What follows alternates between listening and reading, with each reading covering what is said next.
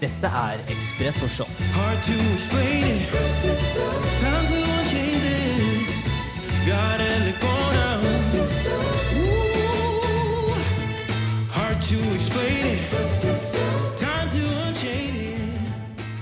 Ja, Nico. Hallois. Velkommen til eh, episode én av Espresso Shot med Nico og Henrik. Er du klar? Jeg er klar. Det blir bra. Dette gleder vi oss til. Dette blir gøy, Henrik. Så nå, nå det, I dag er det to ting vi skal gjøre. Det første er jo vi skal bryte ned et uh, tidligere intervju. Det er jo det, faktisk det første intervjuet i sesong fire med Tor Haugnes, som jeg gleder meg veldig til. Uh, For der er det så mange ting vi kan uh, gripe fatt i, begge to. Vi begge har jo hatt den som foreleser, så jeg tror vi kommer til å dykke inn med et par interessante te temaer rundt, rundt han om det. Og så skal vi også snakke mer om et tema som vi bryr oss veldig mye om. Og det er jo nemlig motivasjon. På en måte, Hva er det som gjør at vi gjør de valgene vi gjør? Hva er det som driver oss? Indre, ytre motivasjon og masse på en måte, Det er så mye forskning på nettopp det her. og jeg tror Det er sikkert mye, mye forskning som går litt imot hverandre, men samtidig også kommer fram til samme budskap. Eh, men selvfølgelig så skal vi også snakke litt om våre egne erfaringer inn i det her. Og prøve å skape en liten rød tråd da mellom det intervjuet vi hadde med Thor, men også da tematikken motivasjon i seg selv. Så eh, jeg tror det blir bra, altså. Dette her blir eh, spennende. I dag så, så skal vi jo prate om Tor Haugnes og det intervjuet eh, jeg var så heldig å få lov til å gjennomføre med han. Og som nevnt innledningsvis så har jo vi begge hatt han som foreleser på BI når vi gikk der. Og eh, det er jo så mye som jeg finner veldig spennende med det intervjuet. Mye fordi at jeg veit at Tor er en introvert av natur. Eh, litt det vendepunktet også, når han eh, gikk på eh, studiet hvor han studerte samfunnsøkonomi, og historisk økonomi også i det bildet. Og litt den overgangen fra å forstå at man er en introvert og, og ønsker egentlig ikke å snakke, ønsker ikke å dele noe om seg selv til andre mennesker, til å plutselig på en måte innse at jeg kan ikke fortsette sånn her. Jeg må på en måte ut av det skallet mitt da, for å faktisk fungere med andre mennesker, men også å kunne klare å formidle det jeg er så lidenskapelig opptatt av. Så kanskje det, det første Kanskje spørsmålet til deg da, som har hørt det utenfra også, det intervjuet. Hva var det som, hva var det som kapra deg med det intervjuet? Som gjorde at du, syntes det var så fascinerende? Ja, Du var inne på ett punkt der som jeg virkelig la merke til i begynnelsen av intervjuet du hadde med Tor. og det var jo det var jo hvordan han fortalte historien om hvordan han var mer innoverlent. og Det, relaterer jeg veldig til, for jeg føler meg jo som en introvert selv, mer eller mindre.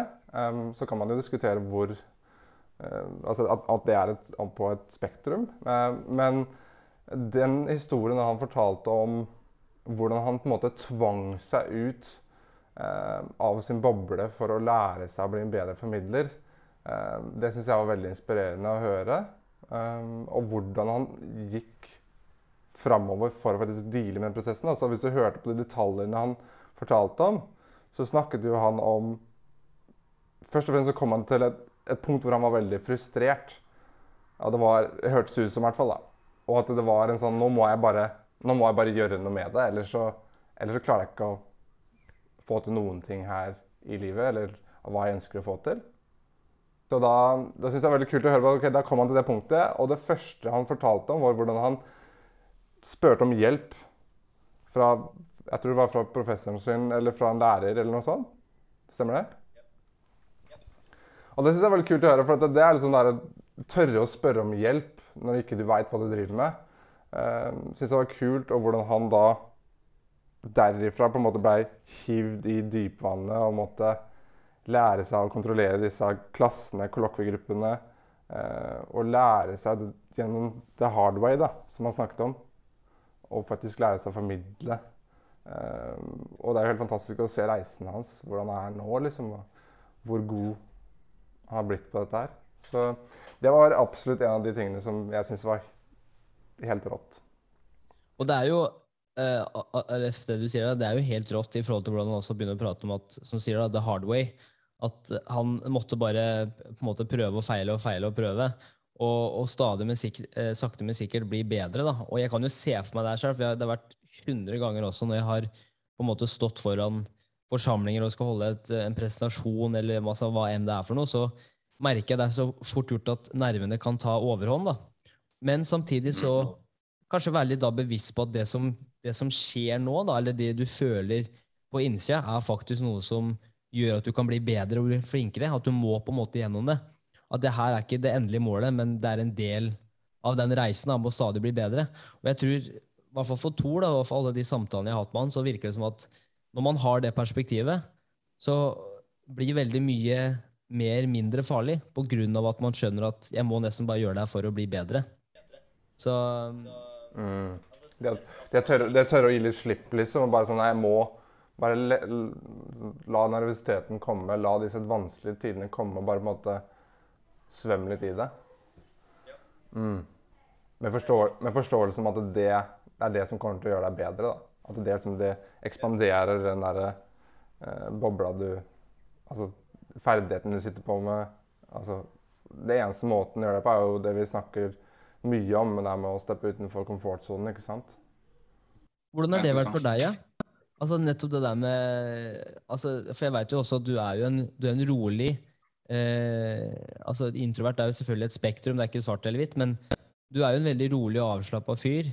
Og, og på en måte bruker mye tid med deg selv også. Og hvordan, er, hvordan har det vært for deg når du skal ut i de mer skumle situasjonene hvor du faktisk må Altså, man må faktisk prate for å bli hørt, da. Altså, det er vanskelig, Ja. men sånn er det jo.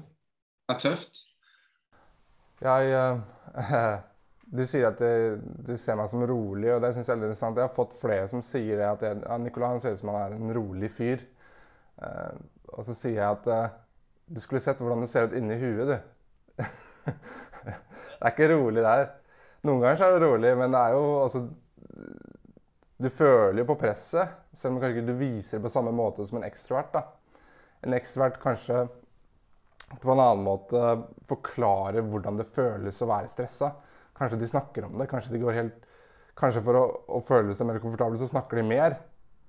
Mens kanskje en introvert heller trekker seg tilbake og tenker, reflekterer, men fortsatt er stressa. Så for meg så har det vært en kjempeutfordring, og det er en konstant utfordring. Å bare sitte her med deg er jo en stor utfordring. Um, så hver gang jeg stepper ut og på en måte forklarer min, eller sier min mening, eller snakker om noe, så um, er det en, det er en kjempeutfordring. Men det er veldig viktig, da. Og det, som, og det er liksom å, la, å forstå at eh, Spesielt oss, da. Og folk som hører på, og folk som har ambisiøse mål. Eh, vi må på en måte forstå Det er en enkel eh, forståelse det her at du må på en måte hoppe utenfor komfortsonen for, for å bli bedre. Er, du kan ikke komme deg uten, uten det. Når det er sagt, da, så tror jeg også vi kanskje reduserer viktigheten av å faktisk være i komfortsona. Så det er jo en, det er en, sånn der, det er en balanse mellom å hoppe ut av komfortsonen og så gå inn i komfortsonen, hoppe ut og komme inn. Altså så måtte jeg ekspandere den komfortsonen over tid. Da. Det, Mm. Først og fremst takk for at du deler. Jeg syns det, synes det er spennende å høre om. for at det, det er også litt sånn når man ser folk som er veldig dyktige i yrket sitt, da, f.eks. med Thor, da, så tenker man liksom Første tanken er at han er naturtalent. Hans måte Mm. å skape det engasjementet på, hans måte å på en måte veldig, altså, eh, røre ved følelsene til folk. da. Um, men så skjønner man også at det er så mange, er så mange timer med hardt arbeid, flaue situasjoner, eh, vonde eh, måte vonde øyeblikk for, for Thor, da, hvor han har måttet gå gjennom sånne type ting. Og det tenker jeg uansett hva det er for noe. Jeg husker jo for min egen del òg, når jeg begynte i Arlok der jeg jobber nå, og skulle begynne å kjøre møter aleine, skulle begynne å kjøre demonstrasjoner av den plattformen vi selger. Altså det, for det første så er jo ikke jeg eh, engelsk av natur, jeg er jo norsk, og det bringer med seg et par interessante utsagn når du skal begynne å prate engelsk. Eh, og det var utrolig ukomfortabel, det var vondt. Jeg skjønte at jeg ikke klarte å si ord ordentlig, jeg jeg ikke klarte å få fram det jeg skulle. Eh, og jeg så på en måte jeg kaldsvetta før jeg gikk inn i møter, og det var, på en måte, det var bare veldig ukomfortabelt. Og der og da så føltes det ut som det her kommer aldri til å bli bedre. Altså, det her funker jo ikke. Jeg må bare jeg må jobbe med meg sjæl før hvert møte. på en måte. Så jeg endte med at jeg liksom satt 15 minutter før hvert møte og bare, som jeg har begynt å gjøre veldig mye av, da, visualisere ikke sant? hva er det jeg ønsker å få ut av det møtet her. Hva er det jeg ønsker å formidle, og på en måte føle at jeg har vært der før. Og det skal vi jo prate om i, i neste episode med Håvard Tvedten, men på en måte det der gir trygghet, at det også å, å være utafor komfortsonen er f.eks. nettopp det. da. Um, så jeg, jeg ser jo på en måte at når man må gjøre ting så mange ganger, så kan det der og da føles veldig uoppnåelig. da. Eh, At man ikke klarer å komme til et sted. Men så ser man jo gang på gang at det, det eneste som gjør at du kan bli bedre på det, er rett og slett å sette seg selv utenfor konklusjonen, Men igjen, da, faktisk lære av det. Ikke gjøre samme feil om igjen og om igjen, men å faktisk sant, ta et steg utenfor konklusjonen, og så ta et steg tilbake igjen og reflektere. Ok, hva funka her, hva funka ikke? Hvordan er jeg nærmere målet jeg har satt meg, da? Så Nei, men jeg, så, du er ikke aleine, altså. Det der er, tror jeg er noe alle kjenner på. Men eh, nå er du inne på noe annet som vi kanskje kommer til å snakke om i en annen episode. da, men det her med deliberate practice, som jeg syns er veldig interessant. det er sånn hvordan Du snakker om det her med å, å, å reflektere på feilene dine og gjøre opp for det, og neste gang ikke gjøre de samme feilene igjen. Det er jo en del av det her å bli bedre. og jeg synes Det er utrolig interessant å tenke på hvordan kan du trene på den beste mulige måten. For det er på en måte det eneste du har. Og det man mener med trening, er ikke fysisk trening nødvendigvis, men det er hva enn du gjør. Om det er på jobb eller på trening, altså på gymmen, eller om det er i en sport eller en jobb, hva enn det er. da, At du trener dedikert på å bli bedre. Så det, det er veldig interessant.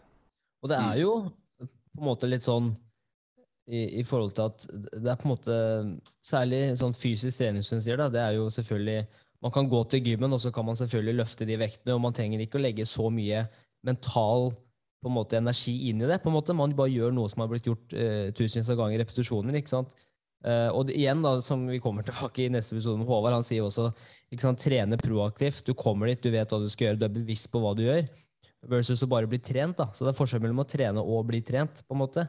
Uh, mm.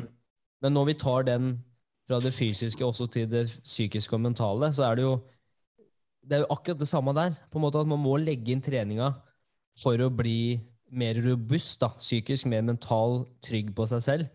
Og igjen nå så tror jeg det kommer med selvfølgelig alderen. Vi er jo unge, og det er jo den tida man går gjennom. Men jeg tror på en måte alder kan man komme veldig langt med. Men også er det jo erfaring å faktisk snakke om de tingene er høyt. da, Alene, men også med andre, da, sånn som vi gjør nå.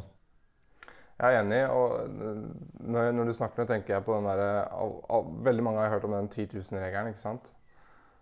Men jeg tror det som måte vi mister i den regelen der, er at uh, det handler ikke om å gjøre det samme over meg igjen. Altså hvis du tenker på Du nevnte gymmen igjen. Uh, det er en forskjell på hvordan Arnold Schwarzenegger trente, og hvordan hverdagspersonen trener når de går på treningssenteret. da. Så det er, det er forskjellig fokus, det er forskjellig intensitet. Um, ja. Men nå, nå, går vi litt utafor sporet, tror jeg. Ja, nei, vi, jo, vi, blir jo så engasjerte. Det er, jo, det, er jo, det er jo kjempebra. Men det er jo litt sånn, vi kan jo dra en parallell her til f.eks. det der med, med Thor. da, Når han sier ikke sant, må gjøre den tingen på den best mulige måten. Ikke sant? Man må gjøre det på en best mulig måte i forhold til den oppgaven som skal løses. Og når han begynte å prate om i det intervjuet, når han begynte å prate om hvordan han da i de senere år har jobba med muntlig formidling. Selvfølgelig nå før korona, hvor det var større forelesninger hvor man hadde 400-500 studenter samla.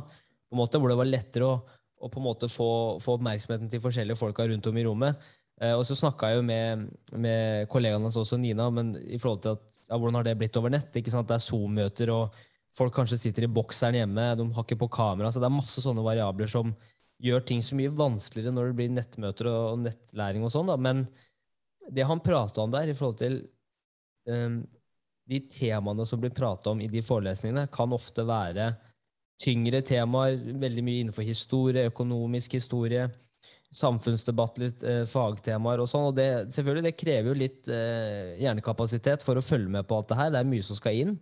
Eh, og det er jo selvfølgelig ikke alltid noe som engasjerer folk flest. Og det Tor har sagt der, da, er jo fordi at de klarer ikke helt å se parallellen til sine egne liv. De klarer, det, så, det, har skjedd for så lenge siden, så de klarer ikke å sette seg inn i det. Men da Thor begynte å snakke om at hvis jeg da kan gjøre den hverdagen til de som er i, i forelesningshallen, hvis jeg kan gjøre hverdagen deres, hvis på en måte de kan komme inn i vår forelesningssal, og det kan være et høydepunkt i deres dag, at en faktisk en forelesning kan være høydepunktet, da tror vi har gjort noe riktig. Uh, så det der å på en måte gjøre ting med mening, da, og faktisk tenke over hva man ønsker å formidle, og hvordan man ønsker at det skal bli formidla òg. Um, mm. Du skrev jo det ned, så jeg måtte bare nevne det, for det var jo ganske Jeg føler at det er så, det er så spot on, da. Jeg syns det var eh, helt fantastisk uh, uh, å høre. Fordi du, hvis du tenker på alle foreleserne, lærerne du har hatt gjennom barneskolen, ungdomsskolen, videregående, og hvis du har studert uh, Alle de som har lært deg, det er ikke så mange av de som på en måte fokus, har den samme intensiteten som Tore har, da, som jeg syns er veldig sånn unikt. fordi altså, Hadde ikke han en video på YouTube som gikk sånn berserk, sånn 250 000 views eller noe sånt? Altså, og Det eneste grunnen til at den får så, såpass mye oppmerksomhet, er jo fordi han har en intensjon med forelesningene med å gjøre dem så interessante som mulig. Sånn at studentene kan gå derfra og føle at wow, dette her var kanskje bedre enn å, å se på en film, eller kanskje mer underholdende enn å gjøre noe som du gjør på fritiden. At, det, at du går inn i salen og bare sånn Nå gleder jeg meg nesten til å høre på Tor ha forelesning om historie i økonomisk historie. som ikke er så vanlig, da. Ja, men det, er- altså, det, det er sånn Den ene videoen vi, vi delte i dag, eh, eller som vi har sett på for å forberede oss i dag, den crash course, den jeg delte i dokumentet, hvor det var om, om, på en måte, om motivasjon. Og det, det Dom har gjort seg riktig av, er jo også det Thor snakker om, ikke sant? edutainment, eller education, da, hvor det på en måte at du, du tar med uh, Nei, sorry, edutainment, ikke education, for det er noe vi gjør sjøl, men uh, edutainment, hvor du, du på en måte blander eh, underholdning med læring, og klarer å gjøre det på en måte som er såpass engasjerende. For det var jo samme med den videoen, at de formidler temaer som er ganske tunge, men på en måte som gjør det veldig relevant. Så vi tar med eksempler fra nåtiden og dagtiden eh, som gjør det relevant for de som lytter. Ehm, og for meg så er det sånn Det er litt det samme som det Thor sier òg, i forhold til at um, det hjelper ikke om du er, har en doktorgrad i forskjellige temaer, hvis du ikke klarer å formidle det. Ikke sant? Det er samme som vi sier til våre, våre kunder som vi jobber med, at det, det spiller ingen rolle om du har massevis av data hvis du ikke forstår hva det betyr og hva det gir deg. Og, og derfor bruker man ofte det eksempelet at altså hvis du er så smart, men ikke klarer å kommunisere til bestemora di, hvor smart er du egentlig da? Mm.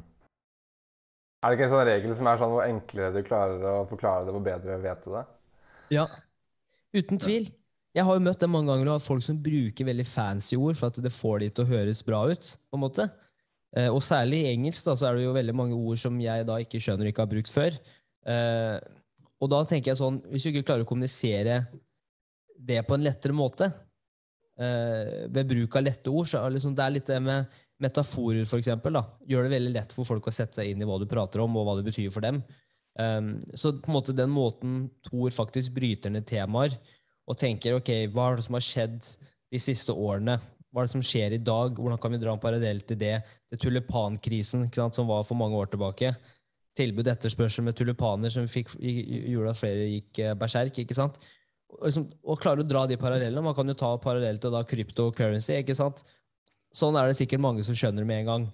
Um, så det der å sette intensjon, da, som også han uh, Pølsa Pettersen også prater om, liksom, hva er det man ønsker å oppnå med det man gjør, um, så, så, tror jeg det er det, da, da, tror jeg man kan komme mye lenger, da. Mm.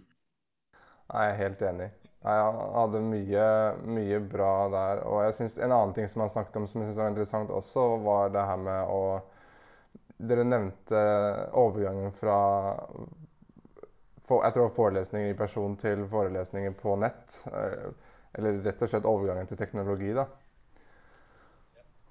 Og han ga et råd som jeg egentlig tok, som han snakket om i forhold til teknologi, men jeg tok det litt generelt. Og han snakket om det her med at eh, når du prøver å lære noe nytt eh, ikke, prøv, ikke sitt der aleine og prøv å finne ut av det. Koble deg på et miljø. Få deg, altså Snakk med noen. Prøv å få hjelp på å finne ut av det. For det er noen som er såpass langt foran i løypa, som kan lære deg og hjelpe deg på veien. da. Eh, men det å sitte og isolere seg og prøve å finne ut av ting kan være ganske tøft. Men tror du det også handler litt om ego? Altså, altså litt sånn at Mm. Folk ikke tør å på en måte være det svake leddet, eller på en måte folk tør ikke å være i en posisjon hvor de ikke vet alle svarene, eller de føler at de ikke vet alle svarene, og er redd for hva andre kommer til å tenke hvis de da må legge korta på bordet, da. Tror du det har veldig mye å si? Tror du det kan drive oss gjennom en, altså et liv òg? For det er jo eh, Sånn husker jeg i hvert fall for min del på ungdomsskolen, at jeg hata det når folk på en måte når jeg følte at jeg ikke kunne noe som andre prata om, eksempel, og da med ungdomsskolen kommer det masse andre ting òg. Videregående vet jeg også liksom at den følelse av at Litt sånn som Einstein sier, da. Hvis du, hvis du måler eh, suksess i forhold til hvordan en fisk kan klatre opp i et tre, sammenligna med en ape, så er det sånn Da kommer den fisken til å føle seg ganske dum, på en måte. Ikke sant? Det er, det er litt den der, da, i forhold til at jeg tror det med ego og det å kunne åpentlig snakke om ting som altså svakheter og, og, og, være i sånne situasjoner som er ukomfortable også i forhold til kunnskapsnivå, da. Men da søke den oppmerksomheten, så tror jeg også mye kan bli gjort annerledes. Ja, det er et godt spørsmål. Um, det er nok en del løsninger til det. Jeg, jeg veit ikke helt, jeg, men jeg tenker, jeg tenker, at det er helt rett. Jeg har vært i institusjonen selv, og uh, tanken min kommer på en måte da på Jeg tenker på Carol Dwecks 'growth and fixed mindset' når du sier det. At det er liksom som forskjellen. altså Hvis du er et fixed mindset, så er du ikke villig til å lære, du er ikke villig til å strekke ut en hånd eller vise at du ikke er god nok og prøve å bli bedre. Mens i growth mindset så er du villig til å lære, du prøver å bli bedre. Og så tenker jeg også at uh, det handler kanskje om uklarhet i forhold til hva du prøver å få til. At hvis du faktisk har satt deg ned og gjort en, lagd deg et klart mål om hva du prøver å få til, at du har faktisk et spesifikt mål du, du jakter etter, at det er lettere å spørre om hjelp når du veit det. Fordi at uh, Ellers kan det føles litt sånn tåkete i forhold til Jeg går til han her og spør om hjelp, men jeg veit ikke helt hva jeg spør etter. Så jeg tror kanskje det er en kombinasjon av ulike ting. Men det er et godt spørsmål. For det er jo også litt det um, som jeg har brukt utrolig mye tid å tenke over, er i forhold til at gjennom hele livet, så, særlig gjennom utdanningssystemet og sånn, så på en måte blir man alltid lært opp i grupper. på en måte, hvis du, hvis du skjønner, Man blir lært opp at man skal kunne dette faget, man skal bestå av disse, disse karakterene. Og det er alt Veldig ofte så er det veldig mot det eh, eksterne. Det er liksom du skal lære et fag, ikke sant? Eh, du skal få karakter i dette faget. Altså, jeg tror det eneste som faktisk går litt inn på deg som person, hvor du faktisk begynner å tenke eh, over egen liksom, tilstedeværelse, både fysisk og mentalt, det er kanskje kroppsøvning. Eh, hvor du faktisk da, må faktisk tenke litt over hva det du gjør i idretten og, og, og i, i, gymmen. da. Og, og, liksom, Jeg tror det er kanskje det nærmeste man kommer hvor man faktisk prater om Gjør du disse handlingene, så kommer dette av denne påvirkningen på la oss si, fysikken din eller mentaliteten din. Men de aller fleste, og det her merker jeg liksom for meg de senere åra òg, de aller fleste har jo aldri blitt spurt hvem er det du ønsker å være. Ikke sant? Hvor er det du ønsker å være om 15 år? Hva slags verdier ønsker du å ha? Hva er viktig for deg? Det henger jo sammen med personlig økonomi òg. Det å forstå altså, Økonomi er én ting, men personlig økonomi forstå liksom forskjellen mellom hva som kommer inn, og hva som går ut. Uh, men Særlig den derre Man spør jo ingen eh, elever eller studenter Det er ingen fag som heter personlig utvikling, f.eks. Eller kritisk tenkning, eh, som går på enkeltindivider. Ikke sant? Det er alltid grupper, da. Har du tenkt noe over det?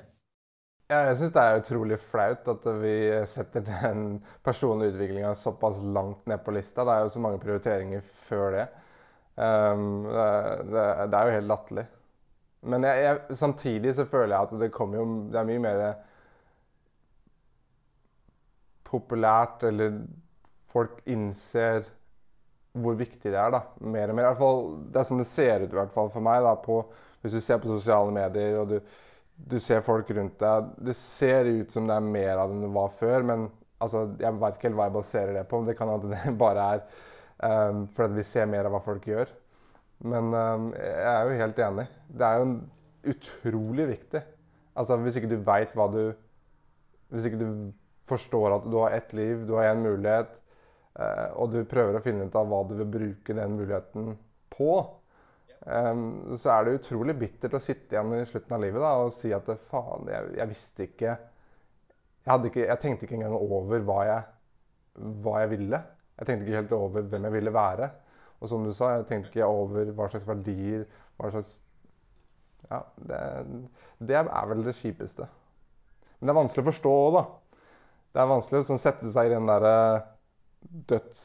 Når du skal dø, da. altså Sette seg i den situasjonen og tenke okay, hvem ønsker jeg å være? Hvis du tenker på det spørsmålet hva, Hvis jeg dør i morgen, liksom, hvem ønsker jeg å være da? sånne spørsmål som høres veldig sånn klisjé ut, kan være veldig fine triggere da, for å skrive ned nye mål og motivasjoner. Jeg kan tenke meg som 13-åring så er det vanskelig å si sånn hvis jeg dauer i morgen. Ja, men altså Jeg er enig, men samtidig, hva hvis du, hva hvis du, er, ute, hva hvis du er i en bilulykke da, som 13-åring? Ja. Altså, Jeg husker når jeg var 13 år, så hadde jeg et mål om å bli fotballspiller. ikke sant? Jeg ville bli den beste fotballspilleren i verden.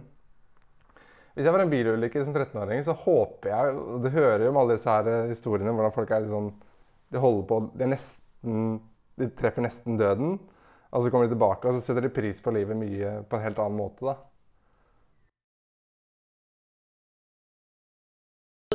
Hvorfor tror du vi, og det er jo sånn, Nå snakker vi med endring, også at mennesker må gjennom en krise for at de skal forstå alvoret og, og hvorfor man må endre seg. Men hvorfor, hvorfor tror du vi på en måte, hvorfor tror du det er så vanskelig for oss mennesker å konseptualisere øh, for at, sant, Vi har jo i løpet av et liv jeg fant ut der, Hvis du tar en gjennomsnittlig levealder på la oss si 80 år, da, så har man ca. 4000 uker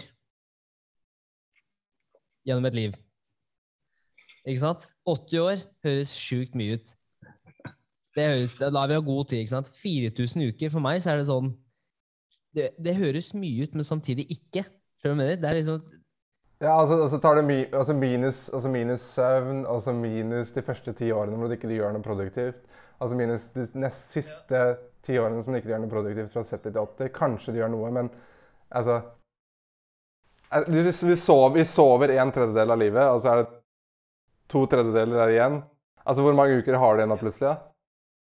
Ja, men det, altså, tenk på det. Altså, sånn, og det er jo, det tror jeg er utfordringen, at jeg tror aller fleste ikke tenker på det. Og Så handler det om å ha folk rundt seg som kanskje lærer deg det her fra du er ung. da. Uh, og liksom du har faktisk foreldre, eller om du har lærere, eller du har noen rollemodeller som faktisk forbereder deg litt også for hva det voksne liv skal inneholde. da. For det er jo det er jo samme når du driver og studerer, så er det ingen som lærer deg, med, lærer deg om politikk på arbeidsplassen. Altså? Man tenker jo at man, man kan lære et fag, og så da er man good to go. Nå går vi ut i arbeidslivet, og så er det jo glemmer at det handler om mennesker. Altså samhold mellom mennesker, hvordan fungerer mellom mennesker, eh, og sånne type ting. Da. Så, og det er jo en veldig bra overgang til så temaet for i dag, som er motivasjon. Og jeg tror, jeg tror grunnen til at de aller fleste får altså 40-årskrise som det var før i tida, eh, den kom jo bare tidligere og tidligere, og mentale ja, på en måte helseutfordringer er jo, den er jo mye større enn noen gang, og det er sikkert pga. sosiale medier og alt det har tatt med seg. Men jeg tror veldig ofte så tror jeg faktisk det kan også handle om at man ikke setter seg ned, og da mener jeg på en måte helt aleine, uten noen impulser fra andre, og faktisk spørre seg selv hvem er det jeg ønsker å være, hva er viktig for meg, hva er det som gir og tar energi, hvor ønsker jeg å være om fem-ti år, eh, på en måte hva ønsker jeg å oppnå, og man trenger ikke å redde verden for å ha lykkes, på en måte, og det er noe jeg har veldig lyst til å formidle, og er, eh, apropos muntlig formidling, eh, i forhold til at veldig ofte så prater man om at man må redde verden. Man må bli med Greenpeace, eller man må være en Greta Thunberg for at man skal være et bra menneske. Ikke sant? Og for meg så er det sånn, det hjelper ikke om du er Greta Thunberg hvis du er en drittsekk mot faren din. Altså, da driter jeg om du er Greta Thunberg. Jeg bryr meg ikke om du, om du redder verden på så mange måter hvis du ikke behandler dine nærmeste familiemedlemmer eller venner på en bra måte. Altså sånn, det er den ironien da i at eh, man skal, litt sånn storhetsskall, at man skal gjøre verden til et bedre sted. Man må ha en impact, man må ha en purpose, man må ha en why som gjør samfunnet til et bedre sted. Men så er det så mange ting i personlig livet som ikke funker. da. Du klarer ikke engang å ta vare på dine nærmeste. ikke sant? Deg selv. Eh, Jordan Peterson, da, som er selvfølgelig godt brukt blant uh, hvite menn uh, på vår alder, uh, i forhold til at du ikke be andre om å rydde sine rom før du har rydda ditt eget. På en måte Få litt orden i din egen, på ditt eget liv da, før du skal fortelle andre hva du skal gjøre. Det bare, for meg så bare det treffer sånn, og jeg vet ikke hva det er, jeg vet ikke hvorfor jeg blir så engasjert med det, men for meg så er det sånn Jeg ser det bare mer og mer, da. Det der med at man må ha et purpose som redder verden. Ja, hva- mener du med det? At, du, at det er mer og mer viktig, eller? Er Viktig, uten tvil. Det er, altså, det er vi enige om. Altså, nå kom det en rapport ut nå i forhold til at altså, hvis ikke FN og hvis ikke resten av verden nå tar disse globale miljøutfordringene på alvor, så da kommer vi til å ha problemer. Det er ikke sikkert vi kommer til å være her om 100 år. altså For alt jeg vet, ikke sant? Det er, det, det er så viktig, og det er jo flere av disse målene til FN som vi, som, som vi må jobbe hardt imot. Men jeg tror også på enkeltnivå så tror jeg mange av de her kan bli løst hvis vi også prøver å tenke mer over hvordan kan jeg bli en bedre medborger i samfunnet, da? Eller hvordan kan jeg bli en bedre person for mine nærmeste venner, min nærmeste familie? Sørge for at jeg også får Altså at jeg utvikler meg selv, at jeg utvikler det jeg har rundt meg. Og at man faktisk stiller seg de spørsmålene, da. Og jeg tror man kan oppnå samme mål. Jeg tror, jeg tror at når du klarer å tenke sånn, så tror jeg kanskje handlingene blir større enn hvis du blir fortapt i at hvis du ikke er en Greta Thunberg, så har du mislykkes. Og du havner i en slags sånn eh, ja, Vi litt om det, motivasjonsporno, hvor du på en måte hele tida ser på store folk som gjør store ting. Men så klarer man ikke å konkretisere dette, hva det betyr for meg i mitt liv. På en måte, da.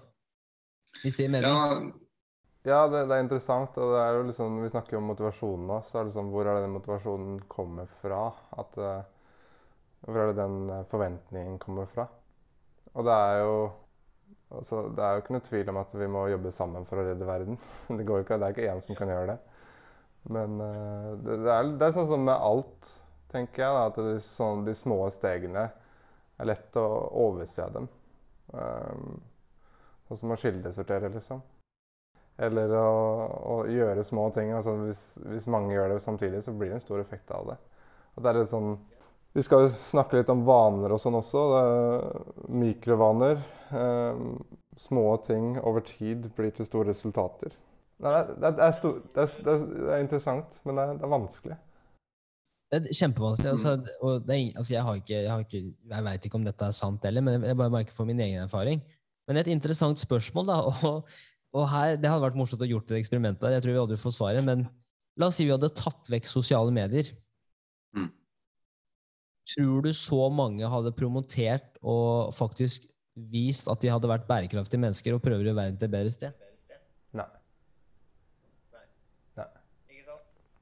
Og, og det er også veldig interessant, er at hvis du tar vekk sosiale medier, så tror jeg Jeg tror folk flest er mer kyniske enn man skal ha det til. Jeg tror folk flest er sånn Men nå er det vel nesten, det er vel nesten obligatorisk hvis du har, et, uh, har en bedrift nå å vise at du er miljøvennlig. Altså, men, men, men hvis ikke du hadde hatt noen kameraer på deg, da hadde det nok vært en god eh, prosentandel av de som hadde ikke hatt de miljøvennlige merkelappene, da. Helt enig. Jeg tror det er, jeg tror, jeg tror det er noe med det at å prøve også å tenke litt over hva slags handlinger gjør folk når de ikke har kameraene på seg.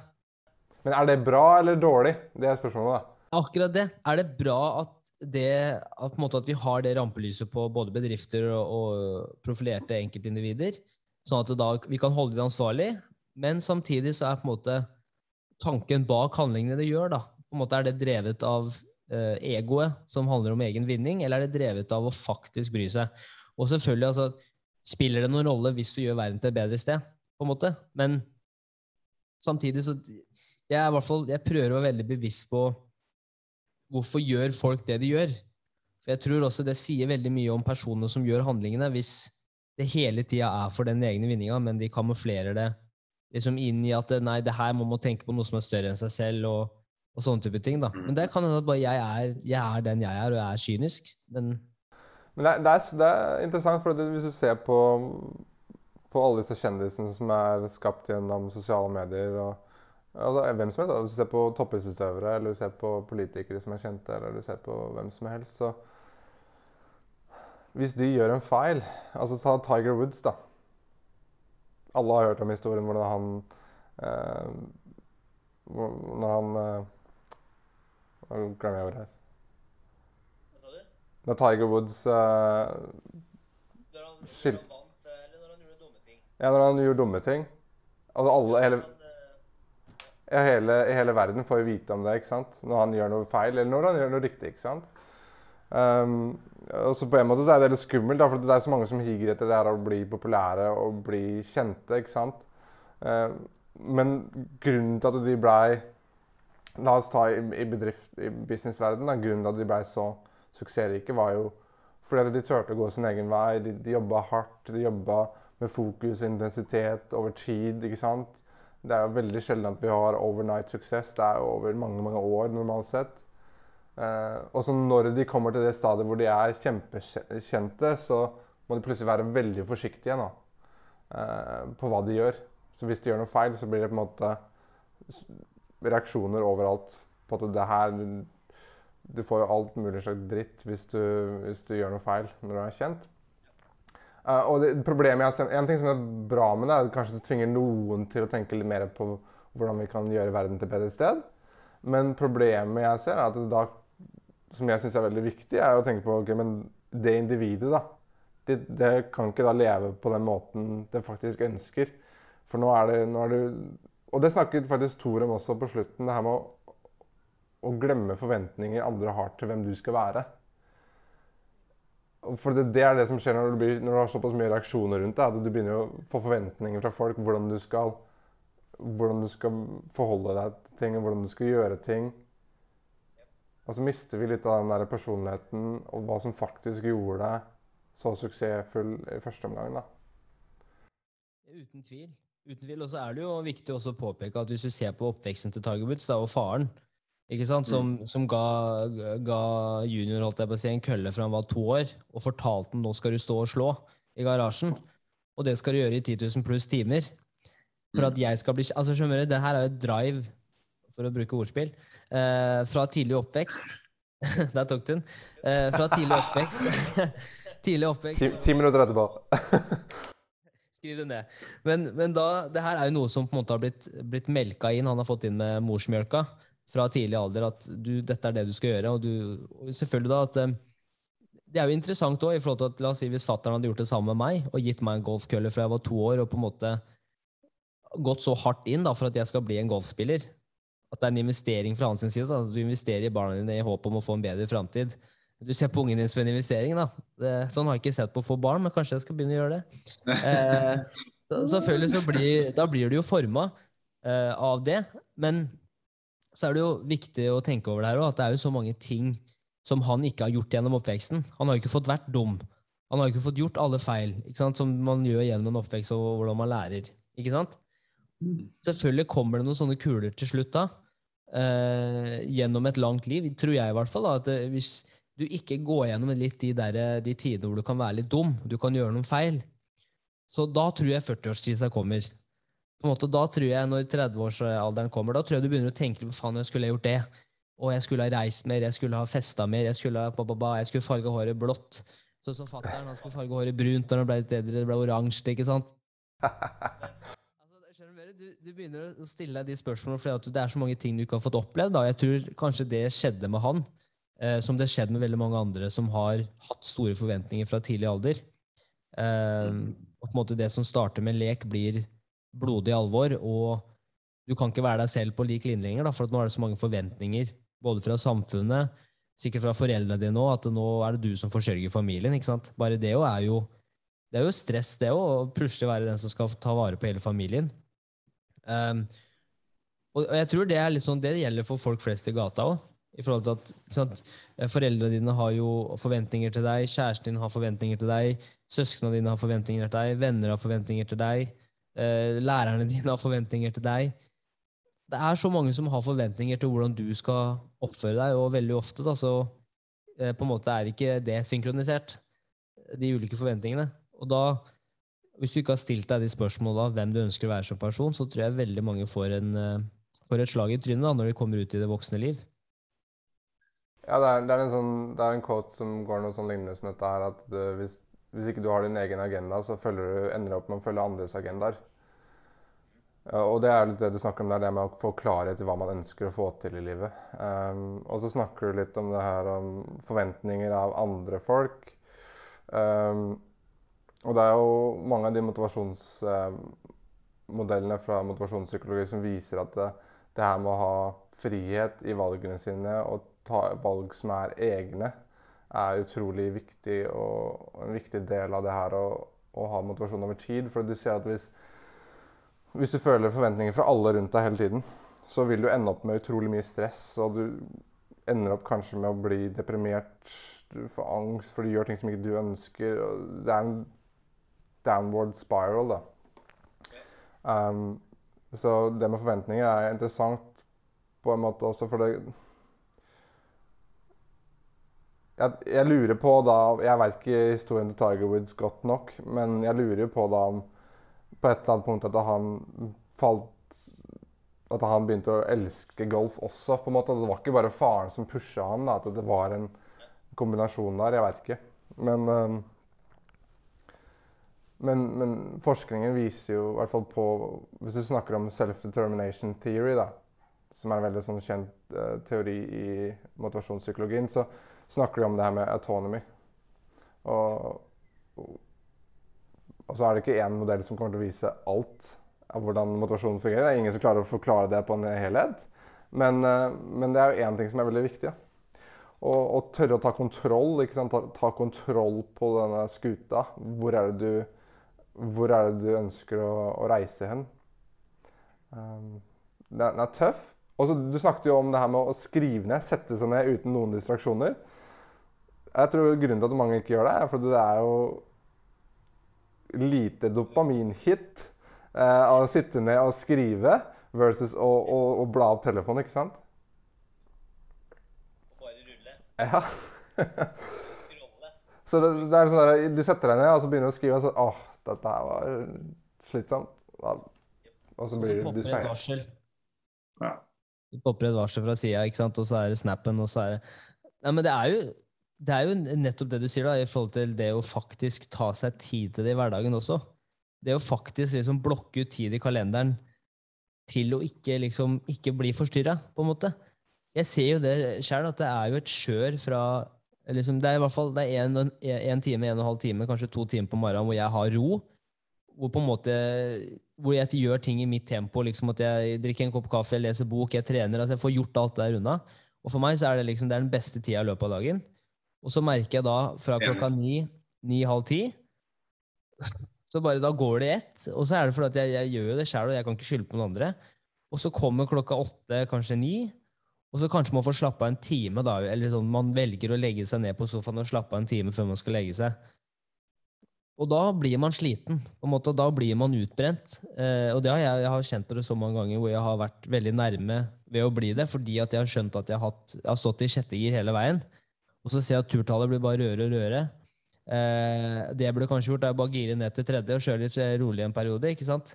Eh, eller eventuelt at man heller da kjører i fjerdegir hele veien, så det er mer stabilt.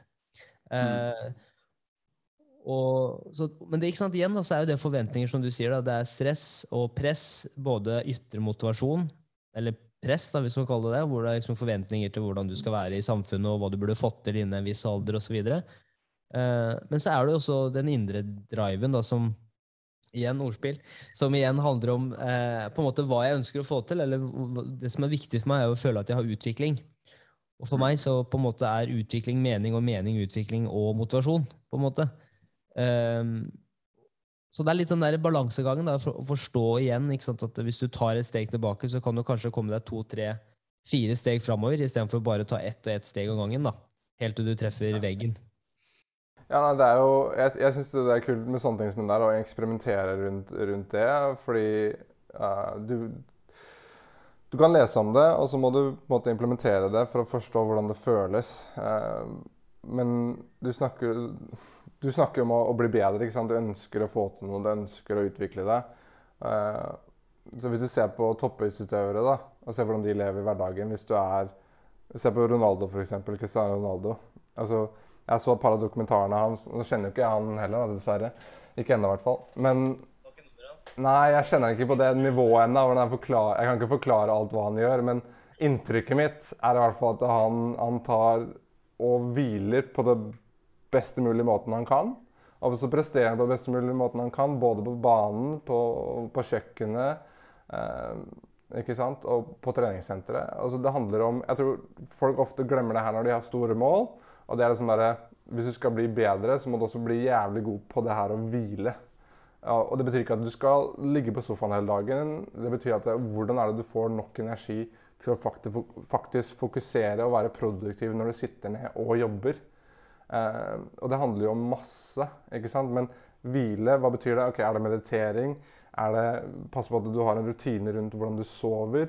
Er det å ha powernaps gjennom dagen? Er det å ha, gå en tur? Hva er det du trenger for å på en måte finne det fokuset mer kontinuerlig enn hva du ville eh, hatt, eh, hatt, fokus hvis ikke du gjorde det? Hvis det er mening. At du, må finne metoder som du kan øke det fokuset, øke produktivitet, øke intensitet, så du kan faktisk få mer gjort. Men vite hvordan føle hvordan grensa går. da. Og den grensa den, den krever jo en del prøving og feiling.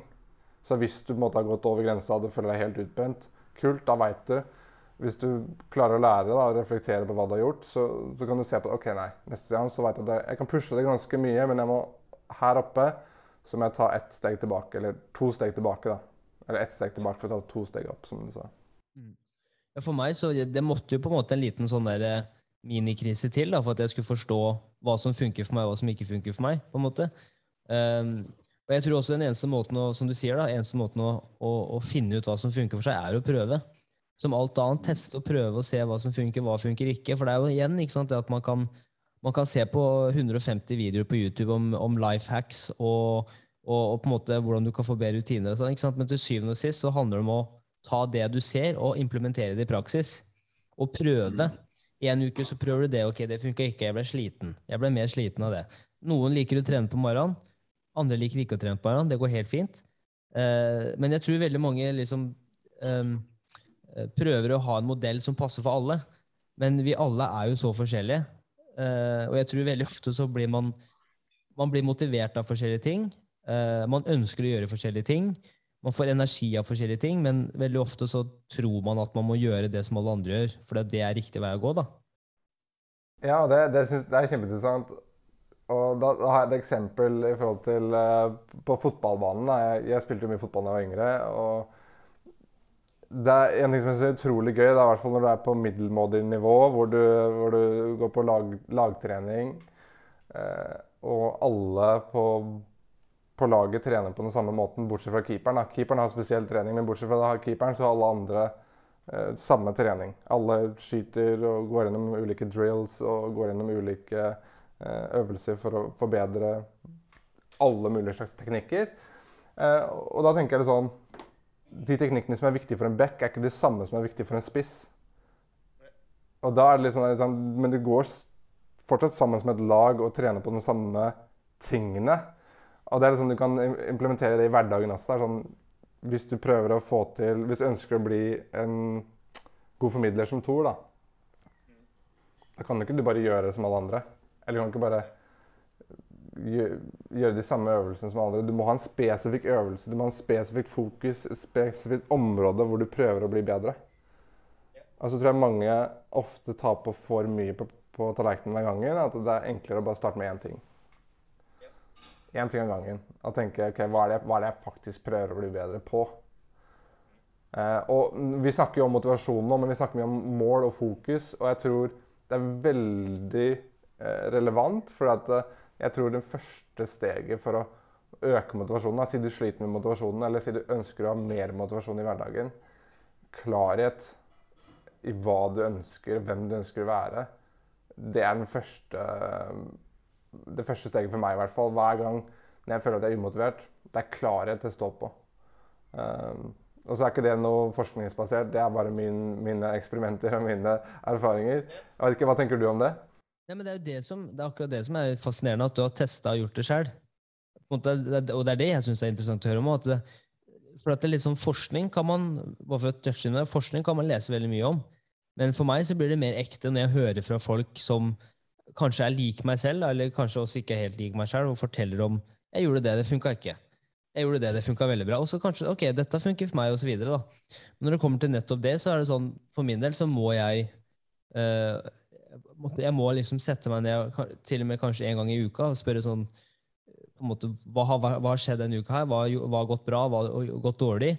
Uh, og på en måte, Jeg forbereder jo hverdagen dagen før. Det gjør jeg alltid. på en måte, Bare for at jeg jeg også har litt sånn som han Lasse Brurok, som også er et intervju vi skal gjennom. Men han snakker jo det med kognitiv kapasitet i forhold til eh, co-founderen hans, som er veldig smart, veldig analytisk, mens Lasse er mer people, uh, på en måte mennesker, og, og, og, på en måte mer kreativ, da, uh, og sånne type ting.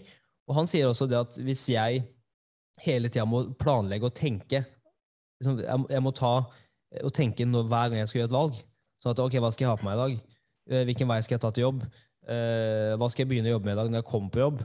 Altså sånn, Da begynner det der glasset med, med vann da, renne over sakte, men sikkert. Så i løpet av en dag så er du helt eh, du, er helt, for du har tatt så mange valg, ikke sant? bevisst. da, Du prøver å ta det bevisst.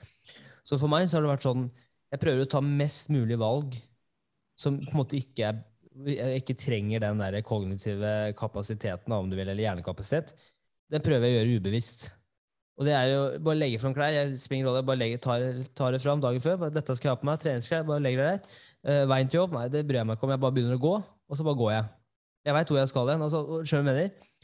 Som gjør at da kan jeg få mer energi til å være til stede på de tinga som faktisk får meg framover. Da. Og det høres veldig flåsete ut. Jeg veit ikke 100% om det faktisk liksom, om det stemmer heller, men for meg så har det vært sånn Ok, så hvis jeg bare gjør sånne ting, går litt av seg sjæl, automatikk, så kan jeg heller stoppe opp og være til stede når jeg faktisk ønsker å gjøre noe som jeg bryr meg veldig om. Sånn som den podkasten her, da prøver jeg ta meg selv i å være 100% til stede, lytte til det du sier, reflektere, ta det inn, analysere og prøve å spille deg god da, og spille meg god, sånn at vi kan ha en ordentlig bra samtale. da. Hvis det Ja. Det er dere veldig gode på. Jo, takk. Det er hyggelig. Men nei, du er inne på noe veldig kult der, da. og Det er jo helt sant. Det er jo, det er jo helt, du trenger ikke å forske på dette her heller. Det er jo helt klart Hvis du sitter på sosiale medier på, Hvis du scroller gjennom Instagram hele dagen og så prøver å gjøre noe produktivt etterpå, så kan du bare føle på hvordan det er eh, å sitte ned og prøve å gjøre noe fokusert. da. Dag, Dag Otto Lauritzen snakker jo også om det her i boka hans 'Viljestyrke', Um, som ikke er eh, Ja, ja. Jeg har den her sånn sett. I i 15 år og bare melke TV 2 for alle penger de har, og så skal jeg skrive en bok, og så skal jeg lage et jævla bra show som heter Kompani Lauritzen. Nå skal jeg snart være med på Skal vi danse. Altså, jeg skal touche innom alle programmer. Ja, men Det visste jeg ikke, men det er fett. Nei, Men det er, ikke så mye, det er ikke så mye som hindrer han å gjøre noe, ikke sant? Nei. Og det han har oppnådd, er det han eh, Hva sa du? Kan jeg gjøre det? Det vet jeg ikke, så derfor gjør jeg det. Jeg syns han er helt rå, jeg. Ja, jeg digger det. Jeg digger det. Ja, Christian, nå må du komme! Nei, nei, du må ikke være redd, Christian. Det må du bare tenke. Nei, men så ser jeg på det han har oppnådd i livet. da. Han har jo kanskje et poeng der med viljestyrke i forhold til det her med at eh, den, eh, det glasset som du nevnte, da, det blir tomt i løpet av en dag. Eh, og det, det er jo en trigger for meg å, å, å- prioritere det viktigste først. Det som trenger mest fokus først. Det er sånn, de ofte sier dette her når du går på treningssenteret. Hvis du har en, en side som er svakere enn den andre, så begynn med den siden du er mest svak på. Og så er det sånn, hvorfor det? Nei, fordi du har mest energi når du, når du, når du gjør den ene tingen først. Um, det samme ting gjelder med alt av mental energi også, når du, når du setter deg ned og tenker sånn Nei, hvordan planlegger jeg, da, planlegger jeg dagen? Ikke planlegg det mest viktige sist. Så enkelt er jo det. Det er sånn planlegg det viktigste først. Men, men, altså, men så er det forskjellig, da. Noen sier jo at ja, nei, jeg, jeg er en Jeg fokuserer mest på natta. Jeg jeg er bedre på kvelden. Um, altså, det er litt interessant også å tenke på.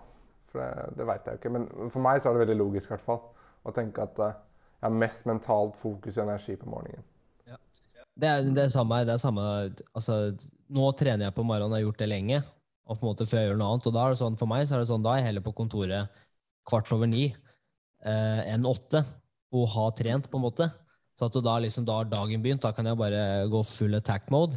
Eh, for jeg merker også, hvis jeg skulle trene etter jobb for meg, så komme hjem eh, etter jobb, og så setter man seg ned, da er ikke, det nytter ikke, vet. Da må du ha Eh, da må du ha en diktator som sparker deg i ræva for å komme deg ut igjen. Eh, ellers funker det ikke. Jeg kan også gjøre det rett etter jobb, men igjen da så merker jeg jeg er helt, jeg er helt fried. Eh, og det krever mye av meg for å gjøre det. Det som kan funke, er eh, på en måte løpetur. Det for meg er sånn, det kan jeg gjøre tidlig på morgenen, det kan jeg gjøre seint på kvelden, for det er litt sånn Det føler jeg er en veldig ro, da. Det er meditasjon. Hva, hva, er det som, hva er det som gjør det så enkelt, da? Jeg vet ikke, det er kanskje bare den, den følelsen av at man Den stillheten, da. Eh, en måte man, man, får, man får hjertepumpa i gang. Man får liksom tenkt litt. Det er på løpetur jeg på en måte føler at jeg får Da får jeg tenkt over litt ulike ting. Jeg får høre på god musikk, jeg kan høre på podcast hvis, hvis jeg er såpass uh, gæren i huet og klarer å gjøre det mens jeg løper. Eh, men det sammenligna med styrketrening er det sånn Jeg veit ikke. Det er bare noe med det å føle at man er i flyt. da. Man er i flytsone, mens styrketrening får, jeg får ikke den flytfølelsen eller den, der, den følelsen man får når man løper. Det er sant. Jeg syns det er enklere å, å trene styrke enn å løpe. Ja. Men jeg, jeg føler meg bedre når jeg løper. Så det er litt sånn der, Men jeg synes det er vanskeligere å, å tvinge meg ut på en løpetur enn det er å gå på treningssenteret. Men for meg så tror jeg det handler om rutiner. At det er en inntrent rutine over lang tid. Jeg vet ikke. Det kan godt hende at det er det, og så er det sikkert noe med, i hvert fall for min del, det jeg føler, da, at eh, eh, for eksempel nå som du er i The Golden Coast, da, det med surfing, jeg har gjort det, jeg har gjort det et par ganger nå, og jeg føler at når man surfer, så er det sånn, man er hele tiden bevisst på at når den neste bølgen kommer, den neste blir bedre, ikke sant? Man er så fokusert da, på den ene oppgaven, man tenker ikke på regninga som kommer neste uke, man, tenker, jeg man er så i en flytsone, og det føler jeg samme løping, og ofte da, at man, man, man kan begynne å tenke på ulike ting, men man er i en slags flytsone der òg. sammen med klatring, sammen med på en måte aktiviteter som krever fullt fokus. Ehm, så, så for meg så er det sånn Kanskje det er derfor at det er rutine, men, men ehm, det er viktig å tenke over det òg. Ja, ikke sant? Men jeg er enig i hva du sier. da. Jeg, du snakker om hva du assosierer med den aktiviteten. Ja, den kan jo være basert på ulike erfaringer og hvordan det har vært i før. Men jeg er helt enig med det med surfing. Jeg surfer jo en del selv. Um, og, og når du er, sitter der ute, så nyter du bare hvert eneste sekund. Det er veldig lite tanker. Tanker kommer jo inn, men så fort det er en bølge, så tenker du bare på bølge. Du må, Eh, du må forresten også sende et bilde, for dere bor jo rett ved, dere bor jo rett ved vannet. Så du må, eller havet, så du må sende bilde av eh, så vi kan dele med lytterne, så folk ser hvordan du har det der nede òg. For jeg tror veldig mange kommer til å trenge det når vi går mot eh, vinterdepresjon nå framover. Ja, jeg har den beste bakeren jeg kan eh, noen gang ønske meg om. Altså, Hvis det går oppover herfra, så veit ikke helt hvor det, hvor det går hen. Men jeg, jeg føler meg utrolig privilegert å få lov til å bo på stranda. Da kommer Dag Otto og snakker om viljestyrke. Da går vi fra surfebrett til helikopter. Da begynner vi å fly. Ja, det blir bra. Men, eh, men for å bare oppsummere litt hva vi har prata om i dag, da, så, eh, med noen key takeaways. Så for med Thor så handla det om muntlig formidling. på en måte Det å ta det første steget, kanskje det viktigste, å ta det steget utafor komfortsonen. Ikke være redd for å på en måte vise svakheter. Først og fremst forstå hva er det som er svakhetene dine, hva kan du bli bedre på. Um, og liksom oppsøke folk som har vært der før. Um, snakke med folk som har vært på reisa før, som er like deg selv, men også ulike deg selv. Um? Hvordan er det man engasjerer og får folk med seg? da? Gjøre ting relevant for ulike folk for å skape mening for dem. Er det noe mer vi kan legge til med det intervjuet med, med Tor? Ta kontroll, eh, tenker jeg. Det er liksom en ting som kommer sterkt ut for meg etter det intervjuet der. Ta kontroll, og, og det du nevnte med å gjøre, som han gjorde med forelesningene sine. Å gjøre det til et høydepunkt for studentene. Man kan jo tenke på det i aktiviteten man gjør i en, på daglig basis selv, og tenke at uh, hva enn du gjør, da, at du kan gjøre det med litt mer intensitet, du kan gjøre det med litt bedre intensjoner, litt mer klare mål, så kan det gjøre en stor forskjell. Ja, Jeg tenker det er spot on. Ta kontroll. Eh, også selvfølgelig eh, det som var tema for i dag, også motivasjon. Uh, og der er det veldig forskjellige teorier. selvfølgelig. Altså, vi har jo ikke snakka om alle teoriene i dag, men jeg tror for kanskje enkeltindivider så tror jeg det første steget er kanskje bare å sette seg ned. Altså Uansett om man er 20 år eller om man er 40 eller 60. altså bare sånn, Kanskje bare sette seg ned og tenke litt over hva er det som betyr noe for deg. da, Og, og, og Mm. tørre å ta de samtalene hvor du ønsker å være. Hva er det som, hva er det som på en måte driver deg? Hva er det som motiverer deg? Eh, Hva er det du ønsker å oppnå? Og, det, og igjen, litt sånn for å ta litt den anti-redde verden, da. Altså, du trenger ikke å ha et hårete, eh, svært, visjonært mål om å gjøre verden til et eh, bedre sted gjennom noen revolusjonerbare teknologiske løsninger. Du kan på en måte Målet ditt kan være å lage et, eller starte et entreprenørfirma som har ti ansatte, og du forsørger familien din. Altså, det går også helt fint, på en måte. Jeg er helt, helt Ja, det er et godt poeng.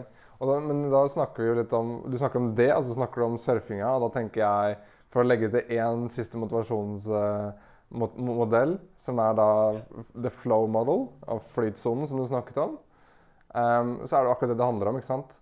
Og, og, og så, la oss si det når du er ute og surfer. Du er, Hvor mange ganger har du surfa? Eh, fire ganger. fire ganger. Så du er nybegynner, ikke sant? Du surfer med et stort brett. Ja, det er, det er, jeg kan ikke størrelsene, men det er stort. Det er større enn meg. Ikke sant? Det er en, det er en flåte. Noahs ark, hva kaller jeg meg når jeg går på den surfer? Men sant, når du går ut, så tenker du jo litt sånn Ok, du tenker kanskje litt på hvor store bølger kan jeg gå ut? Altså, finner du et nivå som passer deg? Du velger kanskje, kanskje du er over hvitvannet, eller kanskje du fortsatt er på hvitvannet. Ja, Jeg er over Er du, hvitvannet. du er det? Ja, jeg er ganske god der. Ja. Har du kommet deg ut på uh, grønne, blå bølger? Eh, 10-15 meter. Det er eh, Nei, nei det, er, det er rett over skummen, som jeg liker å si. Rett over skummen. rett, rett over skummet blir det ikke skum. Ikke, Ikke sant? Og, hvor, hvor, og det er litt sånn The flow model da, viser jo det her med at når det er, den største sannsynligheten for å komme inn i en flytsone handler om kombinasjonen mellom utfordringa og ferdighetene du har. Så hvis utfordringa er altfor stor, hvis du går ut i eh, 15 meter i bølger, eh, og, og ferdigheten din er veldig lav, så kommer du til å sitte der ute med mye angst og stress og nervøsitet, og du tror kanskje du kommer til å daue. ikke sant? Men hvis du går ut eh, og så bare surfer på hvite på skummet, da kanskje du begynner å kjede deg. Så det er å finne den der midt imellom. OK, nei, vi begynner på én meter høye bølger, og så prøver vi oss der. Og det er liksom den største sjansen for at du faktisk klarer å sitte ned og være fokusert og faktisk være produktiv og lære og bli bedre på det du driver med. Da. Så jeg tror, sånn som du nevner med her, at vi trenger ikke gå ut og redde verden. Jeg er enig, men vi kan starte på et nivå, og så kan vi øke det nivået seinere. Og så kan vi øke det senere, så kanskje en dag så kommer vi til å gjøre noe større som kanskje betyr mer. Men det avhenger av hvilket nivå du er på, da. Men den er fin. Da tror jeg vi kan endre litt på den. Så sier vi du trenger ikke å redde verden på dag én. Det liker jeg bedre. det er jeg enig i. Den er fin. Og, men da, dette var da første episode av Expresso Espresso Shot. Eh, har det vært bra, Nico? Jeg følte at dette var utrolig gøy. Jeg syns det var veldig gøy. Det er mer interessant å høre hva lytterne tenker. Men det er jo alltid hyggelig å ha en eh, prat som dette med deg. Jeg håper jo folk lytter på det her. Jeg håper jo det. Det ser jo sånn ut, i hvert fall. Pilene går oppover, så vi bare fortsetter og fortsetter, og så ser vi hvor vi er om eh, ti år. Kanskje vi kan eh, endre verden en dag, vi også. Tusen takk, Nico. Ja, det var hyggelig. Da ses vi om to uker. Det gjør vi. Ha en god dag. Takk det samme. Dette er Espresso Shot. Hard to explain it.